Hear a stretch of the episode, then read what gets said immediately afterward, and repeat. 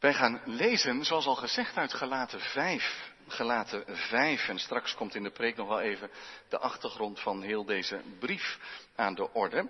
Maar wij lezen Gelaten 5, nu Gelaten 5, vers 1 tot en met 12. En in de middagdienst lezen wij vers 13 tot en met 26. Dus Gelaten 5 in twee keer. Vanmorgen dus Gelaten 5, vers 1 tot en met 12. En dan lezen wij Gods woord als volgt. Sta dan vast in de vrijheid waarmee Christus ons vrijgemaakt heeft en laat u niet weer met een juk van slavernij belasten. Zie ik, Paulus, zeg u dat als u zich laat besnijden, Christus u van geen nut zal zijn.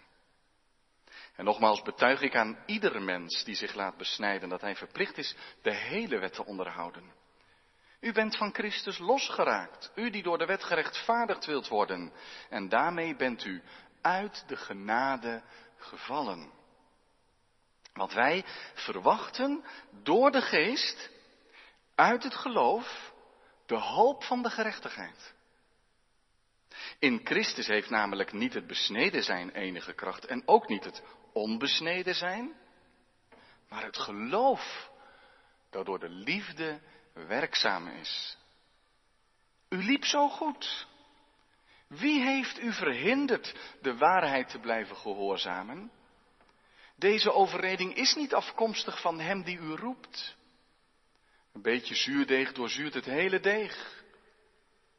Ik vertrouw van u in de Heere dat u niet anders gezind zult zijn. Maar hij die u in verwarring brengt, zal het oordeel dragen, wie hij ook is. Maar ik, broeders, als ik nog de besnijdenis verkondig, waarom word ik dan nog vervolgd? Dan is immers het struikelblok van het kruis teniet gedaan. Lieten zij die u opruien zich maar afsnijden. Tot zover gelaten 5 vers 1 tot en met 12. Gods woord voor deze dienst. Zalig zijn zij die het woord van God horen en geloven en eruit leven. Amen. De tekst voor de preek is dus gelaten 5 en dan het eerste vers, gelaten 5 vers 1. Sta dan vast in de vrijheid waarmee Christus ons vrijgemaakt heeft en laat u niet weer met een juk van slavernij belasten. Gemeente van onze Heer Jezus Christus, jongens en meisjes, jongeren, ouderen, gemeenteleden, broeders en zusters, gasten die meekijken en meeluisteren. Gisteren was het 31 oktober, hervormingsdag. De dag dat Luther 95 stellingen spijkerde aan de deur van de slotkapel van Wittenberg. Dat is raar, ik hoop niemand, dat niemand dat hier bij de kerkdeur zal gaan doen. Er blijft ook weinig glas dan meer in zitten.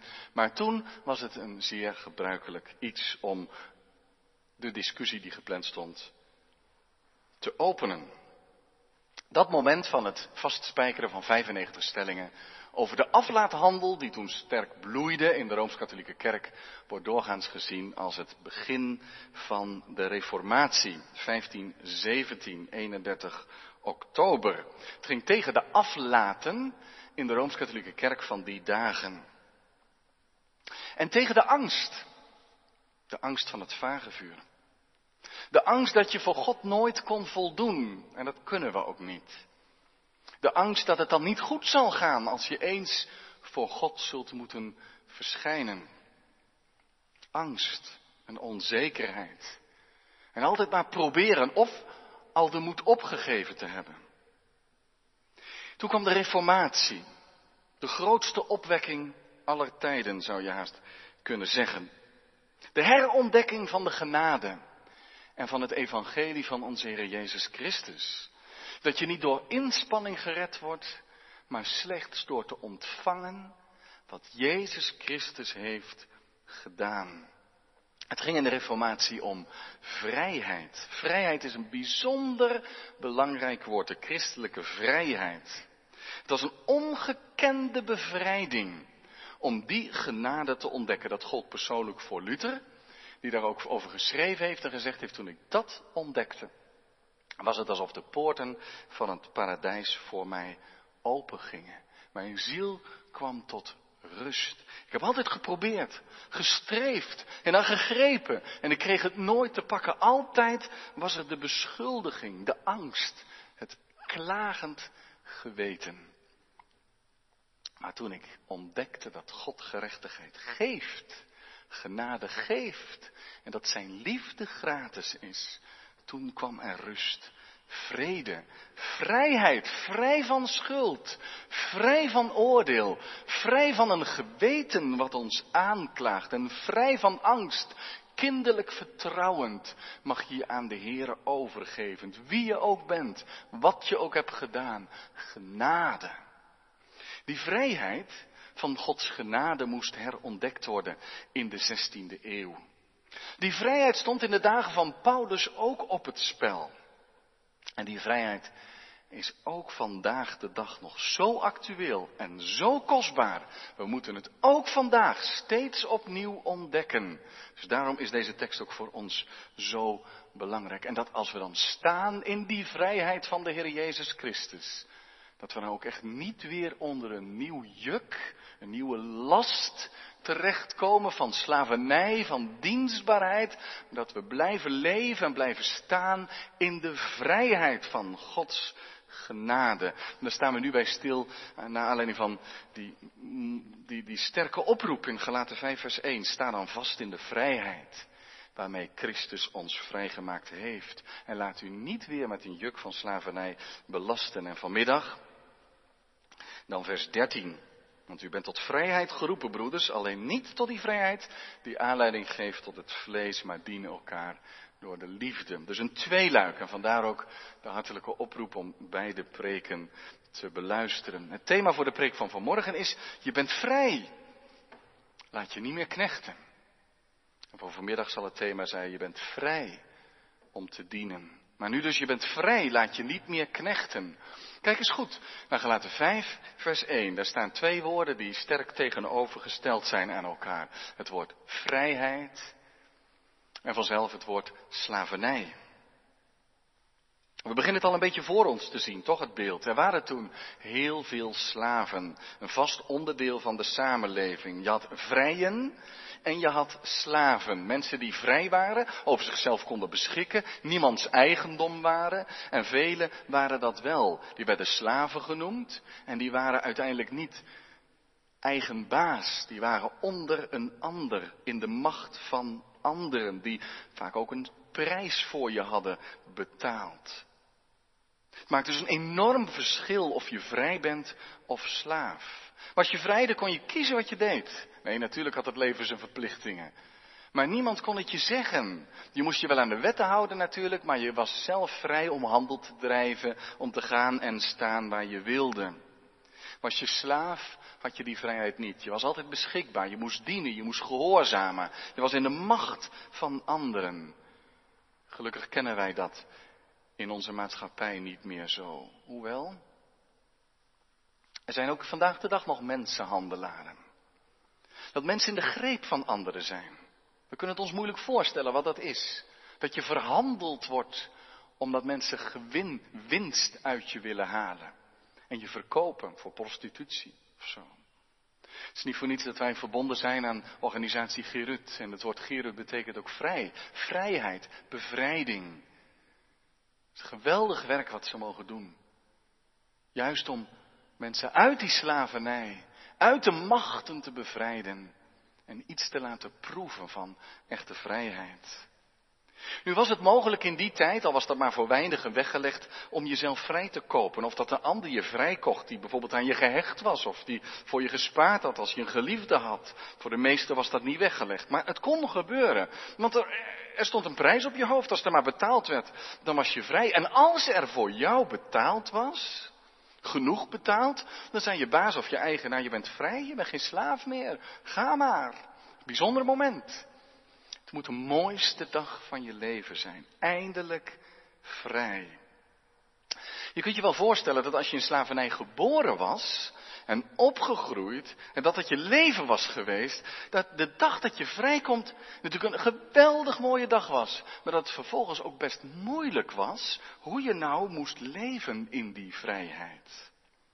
Wat moet je doen met je vrijheid? Hoe leef je dan? Stel voor dat er een collega-slaaf dan is, die, die altijd aan jou de bevelen gaf, die de bevelen weer over andere slaven moest uitdelen. En die zei dan tegen je, hé, hey, doe dat eens even. Dan, dan ging je dat eigenlijk maar, maar zo doen, omdat je niet anders gewend was geweest.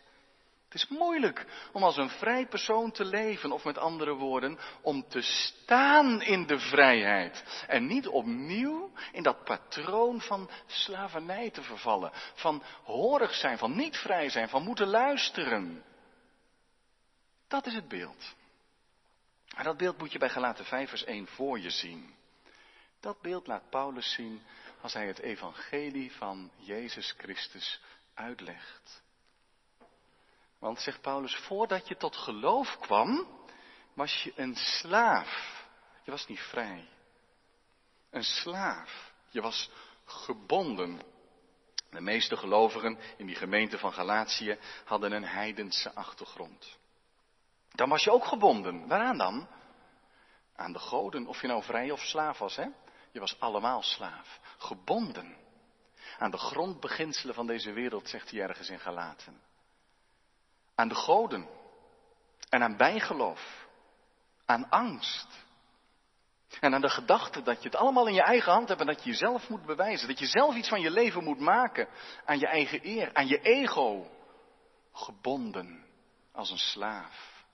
En toen kwam Christus en die heeft je bevrijd van de schuld van de zonde en van de macht van de zonde. Nu kan je je voorstellen als er mensen in die gemeente waren geweest met een Joodse achtergrond, die altijd de wet van God hadden gevolgd, dat die dan zeiden, ah, dat geldt voor de heidenen, maar niet voor ons. Nee, zegt Paulus, ook voor jullie. Jullie leefden wel volgens de wetten van God, prachtig en goed, maar ook die wetten konden je uiteindelijk niet tot de vrede van God brengen. Lees het hele Oude Testament er maar op na. Het is één roep dat eens de Verlosser zou komen.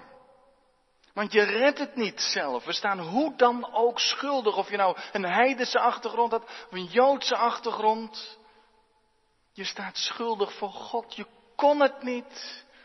Ook langs de weg van de wet niet of langs de weg van de wereld niet. Gebonden in slavernij. Maar toen is die verlosser gekomen, zegt Paulus. Toen is de Heer Jezus Christus gekomen. God zelf kwam ons redden. In Galaten 3 vers 13 staat, Christus heeft ons vrijgekocht van de vloek van de wet, door voor ons een vloek te worden. Hij heeft ons vrijgekocht. Waarvan dan? Ja, van die slavernij. Welke slavernij? Van de vloek van de wet. Die God voor de heidenen die de wet niet kenden, maar die wet vertelt hoe God is. En ze stonden schuldig voor hun schepper. Ook Joodse mensen, daar gold het voor. De wet veroordeelt, want het vertelt over Gods heiligheid waaraan je niet kan voldoen. Het is de slavernij van de zonde en van Gods oordeel en van de macht van de zonde waaruit, we, waaruit geen mens zichzelf kon bevrijden. Maar Christus, de Zoon van God, de Messias, die kwam om te lijden en te sterven aan het kruis op Golgotha. Hij verbrak de vloek. Hij brak de ban. Hij is de dood ingegaan om de machten te breken. En hij is opgestaan en heeft overwonnen. En daarom zegt hij, zegt Paulus in Galaten 5 vers 1, sta dan vast in de vrijheid waarmee Christus door zijn kruis en door zijn opstanding ons vrijgemaakt heeft. Hij heeft zijn grote bevrijdende werk gedaan. Nu, waarom zegt Paulus dat allemaal? Omdat het evangelie in Galatië op het spel staat. Paulus is daar geweest. Galatië is niet één plaats. Het is een hele, je zou kunnen zeggen, provincie best groot gebied met verschillende christelijke gemeenten in dat gebied. Daar is Paulus geweest. Hij is van de ene gemeente naar de andere gemeente gegaan om ze meer te leren over het evangelie van de Heer Jezus Christus. Maar dan reisde Paulus weer door. En toen kwamen er andere invloeden in die gemeente. let wel, het is dus niet één gemeente met één persoon die wat onrust zaait daar. Het is blijkbaar een hele nieuwe stroming die we vaker in het Nieuwe Testament tegenkomen, van Judaïsten, die zeggen, vergeet Paulus. Goed werk gedaan hoor, die Paulus. Heeft ons verteld over Jezus, maar nu moet je hem vergeten. Want nu moeten we de, de kers op de taart zetten. Nu moeten we het afmaken. Je bent tot geloof gekomen, dat is mooi. Maar, maar, maar, nu de rest. Nu moet je ook nog Mozes erbij nemen. En de wetten van Mozes. En de wetten van Israëls God. Nu moet je echt besneden worden. En dan ook die wetten gaan houden. En dan is het goed. Je hoort erbij door geloof. Maar dat is niet genoeg. Er moet iets bij. Je eigen inspanning, de werken van de wet. Alsof er niets veranderd was. Alsof Christus wel wat gedaan had, maar hij had niks veranderd aan die wetten van Mozes. Alsof hij de vloek van de wet niet verbroken had en alsof hij de wet niet vervuld had. Alsof je niet ontdekt had bij het kruis van de Heer Jezus Christus dat wij het zelf niet kunnen op geen enkele manier, maar dat we alleen maar genade ontvangen. Nou, en waarom zegt Paulus dan niet, ach die besnijdenis, het is niet de grootste operatie. Het is wel ongemakkelijk en het is pijnlijk en je loopt er een paar dagen niet van. En dan een beetje moeilijk, maar een maand verder en het is allemaal wel weer oké. Doe als je niet kan laten, doe het maar gewoon. Maar Paulus zegt, dat kan niet. Hij zegt in vers 3, het is dan maar het eerste stapje als je zegt de besnijdenis is nodig om bij Jezus en bij God te kunnen horen. Dan is dat maar het begin. Als je je na het besnijden, dan ben je verplicht de hele wet te houden. Het is nog maar de eerste stap. Dan moet je alle spijswetten gaan houden. Dan moet je heel de wet van Mozes houden. Alsof je nog in het Oude Testament leeft. Alsof Jezus Christus niet gekomen is. Dan zet je een streep door het kruis van Golgotha. Het geloof in Hem is genoeg. Daar mag je geen afbreuk van doen. En kijk maar eens hoe scherp hij dat stelt. Het is een vlammende brief die hij schrijft. Galaten 1, vers 6 en 7 zegt, ik verwonder mij erover dat u zich zo snel afwendt van hem die u in de genade van Christus geroepen heeft. U gaat naar een ander evangelie, terwijl er geen ander is. Er zijn sommigen die u in verwarring brengen en het evangelie van Christus willen verdraaien. Maar dan zegt hij in vers 8, zelfs als wij of een engel uit de hemel een ander evangelie zou vertellen, die zijn vervloekt. Zo scherp is hij. Het evangelie staat op het spel. Hoofdstuk 3, vers 1 zegt hij, hoe dwaze gelaten. Wie heeft u betoverd om de waarheid niet te gehoorzamen. Hij ziet het als het ware van afstand met ledenogen aan. Hoe kan dat nu? Ze hebben daar de genade van God aangenomen door de kracht van de Heilige Geest. Oh, wat een vreugde was er. Ze, ze zagen Christus. Hij werd afgeschilderd alsof hij, zegt hij, in hun midden gekruisigd was. En ze vielen op hun, knieën, op hun knieën. En ze hebben de genade van Jezus Christus omarmd. Oh, wat zijn ze er blij en dankbaar voor geweest. En nu? Met die nieuwe invloeden. Vergeet Paulus, Jezus mooi, maar niet genoeg. Nu staat het evangelie daar op het spel. Wie heeft u betoverd? Het ligt scherp voor Paulus. Paulus is niet iemand die zegt, ach, er moeten allerlei meningen naast elkaar kunnen bestaan. Oh, vast over sommige dingen wel. Maar niet als het hierover gaat. Als het gaat over het kruis van de Heer Jezus Christus. Dan zegt hij in ons hoofdstuk, hoofdstuk 5, in vers 2, als u zich dan toch laat besnijden, u gaat die weg op, dan zal Christus voor u van geen nut zijn. Zo scherp ligt het. Want dan bent u, vers 4, uit de genade gevallen. Het is nogal wat. Dan ben je begonnen met genade, met vreugde in God door alles wat Hij gaf, volkomen redding door een volkomen zaligmaker. En de volgende stap die je zet is terug onder het juk van slavernij onder de wet toch weer zelf de toegang zoeken tot God. Zo is het niet. Kijk maar hoe het wel is, vers 5. Het is door de Heilige Geest die in ons woont, dat wij een nieuwe hoop, een nieuwe verwachting hebben gekregen. Uit het geloof, niet uit de werken van de wet, niet door onze inspanning, nee, uit het geloof op grond van wat Jezus heeft gedaan. En wij mogen dat geloven, ontvangen in geloof. En dan leven we in de hoop van de gerechtigheid. In die zin betekent zoveel, er komt een dag dat God publiek zal aanwijzen wie er bij hem horen. En Paulus zegt, dan is het niet van belang of je besneden bent of niet. Dat was misschien in het Oude Testament wel zo, maar nu niet meer, want Christus is gekomen. Dat is niet meer van belang. Weet je wat wel van belang is? Van belang is dat je gelooft in de Heer Jezus Christus. Vers 6 zegt, maar het geloof dat door de liefde werkzaam is. Nu, op dat laatste zintje, dat door de liefde werkzaam is, daar kom ik vanmiddag natuurlijk op. Het geloof werkt ook. Maar niet om in dat werken een ingang te vinden bij God, zodat wij door onze inzet moeten opklimmen tot God. Nee, het is slechts het ontvangen van genade. Nu, als wij zo een beetje begrijpen wat Paulus hier zegt, dan begrijpen we denk ik ook wel dat in de tijd van de Reformatie, met name Luther en ook andere reformatoren, de vinger bij deze verzen hebben gelegd, bij Galaten en Romeinen. Het is wel een andere situatie hoor, in de 16e eeuw dan bij Paulus. Maar ook toen, in die 16e eeuw, in de late middeleeuwen, het begin van de nieuwe tijd, was het evangelie sterk verduisterd. Er leefde veel angst. De vraag was, hoe kan ik voldoen? En de weg die de kerk toen wees, was, koop maar veel aflaten.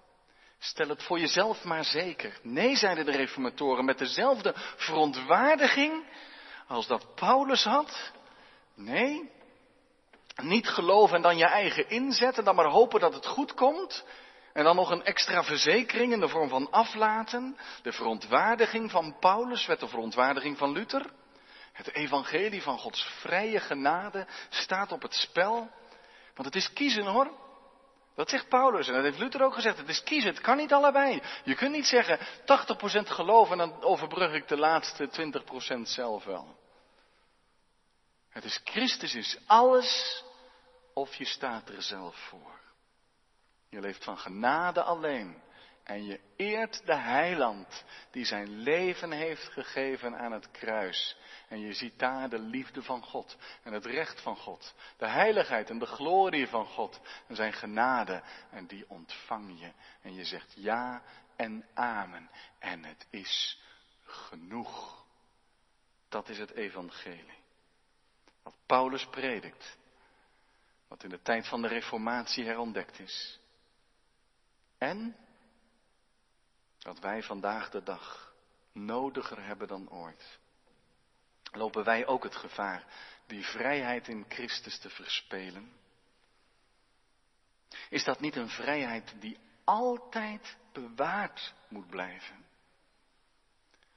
Omdat wij het diep in ons hebben. Luther zei nog, terwijl hij toch al lang reformator, was en, en, en de genade van God zo belangrijk vond, hij zegt, als je me opensnijdt, dan zit er nog dat zuurdesem in waar aan de apostel Paulus in vers 9 over spreekt.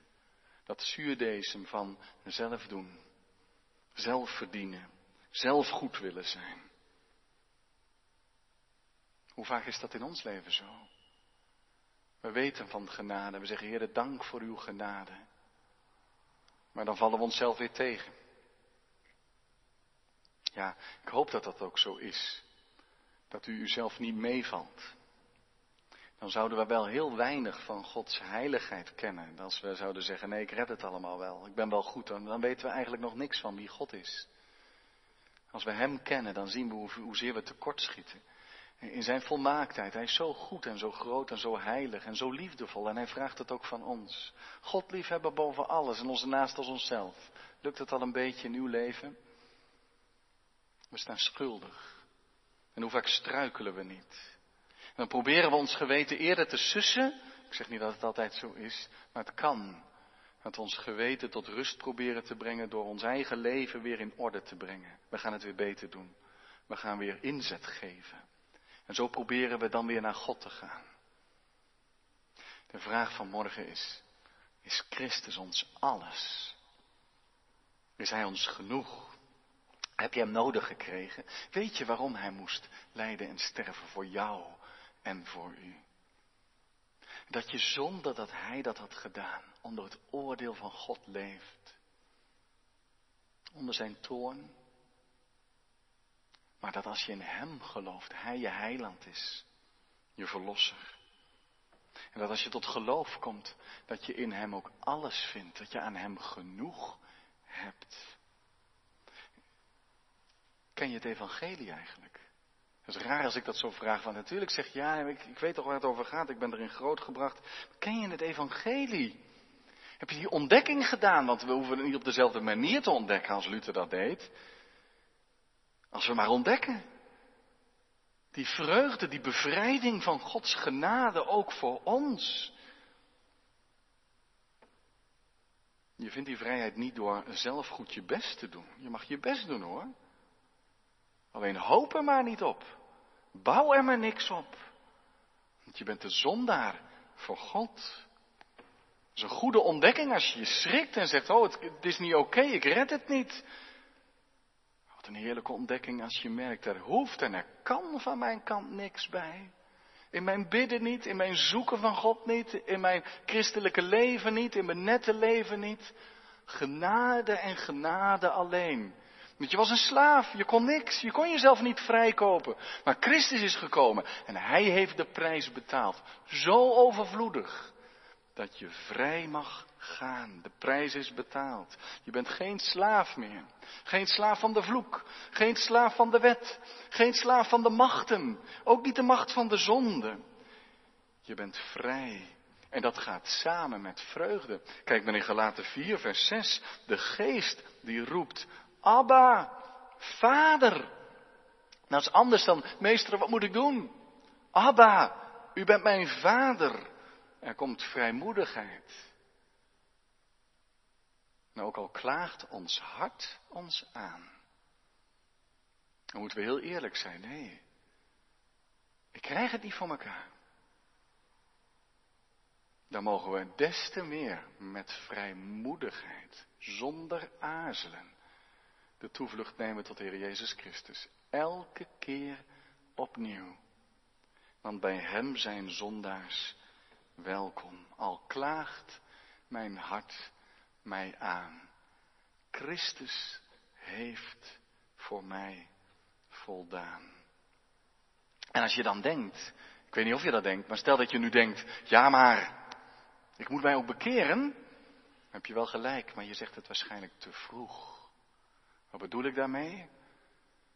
Omdat we altijd weer de neiging hebben om te zeggen, God is wel genadig, maar dan moet er toch ook iets van onze kant tegenover staan. Maar zo is het niet.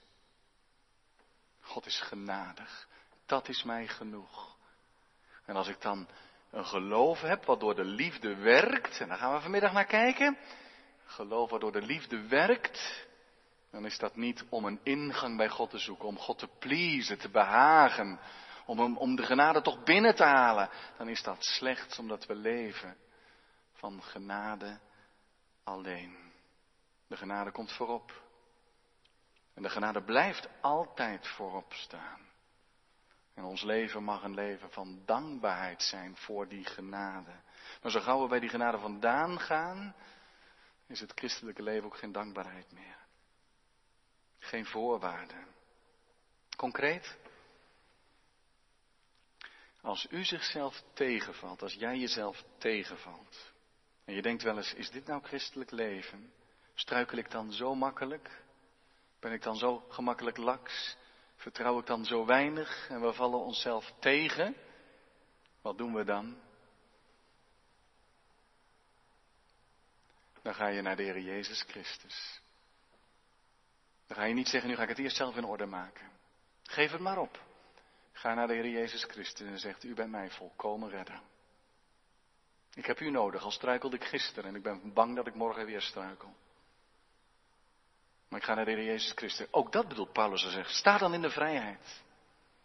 Laat je niet weer knechten, dat je onder het juk komt en dat je zegt, nu moet ik het toch weer zelf doen. Nee, je gaat weer naar de Heer Jezus Christus en je zegt, Heer, wat u gedaan heeft, dat is echt alles, dat is genoeg. U heeft ons vrijgekocht. Nee, die zonde heeft geen macht meer over mij. Die heeft ook niet de macht om mij meer aan te klagen. Ja, mijn geweten klaagt mij wel aan, maar ik leg dat voor het kruis van Golgotha neer. En dan weet ik het. wat Hij heeft gedaan, is werkelijk genoeg. Ik zei al eventjes, als je dan als zo'n slaaf vrijgekocht was, dan was het moeilijk om in vrijheid te leven. Je bent zo gewend om in de greep en de macht van anderen te zijn. En op zo'n manier is het ook moeilijk om als een vrij christen te leven. Een christen is een vreugdevol mens. Die opgelucht ademhaalt en zo leeft. Die wel weet dat, dat hij struikelt en valt en, en zondigt tot in de kleinste details steeds weer in gedachten, in onze woorden, in onze daden. Je kunt er last van hebben. Er is een strijd. Ik kom daarbij vanmiddag bij vers 17 bij. Er is een strijd, een innerlijke strijd om het goede te doen. En we struikelen zo vaak moedeloos, om moedeloos van te worden. Sta dan in de vrijheid, zegt de apostel. Dat wil zeggen, nee, word maar niet moedeloos, want Christus wist wel wie je was toen hij zijn bloed voor je gaf. Leef maar weer op. Er is genade. Er is genade. Kun je het niet geloven? Kijk dan nog eens goed naar wat de Heer Jezus deed, hoe Hij met zondige mensen omging. Hij had hen lief, Hij zocht hen op, Hij at met hen Zijn liefde. Het zit in ons allemaal hoor. Dat we weer terugvallen in het zelf doen. Proberen in eigen kracht. Alleen daarom al is het goed om de reformatie te herdenken de herontdekking van genade en vrijheid. Om vandaag onszelf heel diep af te vragen. Hoe leeft dat nu in mijn hart? Wat betekent de Heer Jezus Christus voor mij? Ken ik die vrijheid? Die vreugde? Geloof ik eigenlijk echt dat ik Jezus nodig heb? Dat, dat het nodig was dat, de Heer, dat, dat die eeuwige God zijn zoon zond. Geloof ik dat echt? Heb ik dat ook al tegen de Heer gezegd? Heer, ik ben het waard verloren te gaan. Zo zegt u het in uw woord. En ik geloof dat. Maar nu doe ik een beroep op u, want u heeft zelf uw zoon gegeven. En u laat het verkondigen dat een ieder die door de Heilige Geest gelooft in Jezus Christus het mag weten, mag hopen met zekerheid dat de Heer eens zegt, kijk, dat is mijn kind. Ja, ik wist wel dat hij struikelde en dat hij faalde, dat wist ik wel. En ik wist wel voor wie ik mijn leven gaf. Maar dat is mijn kind. Die ik opgezocht heb in mijn genade. Sta dan in die vrijheid. En laten we onszelf niet laten knechten door allerlei stemmen die ons influisteren. Niet voor jou, te kort, te weinig. Leg ze maar het zwijgen op. En zie op de Heer Jezus Christus die ons heeft vrijgekocht. Amen.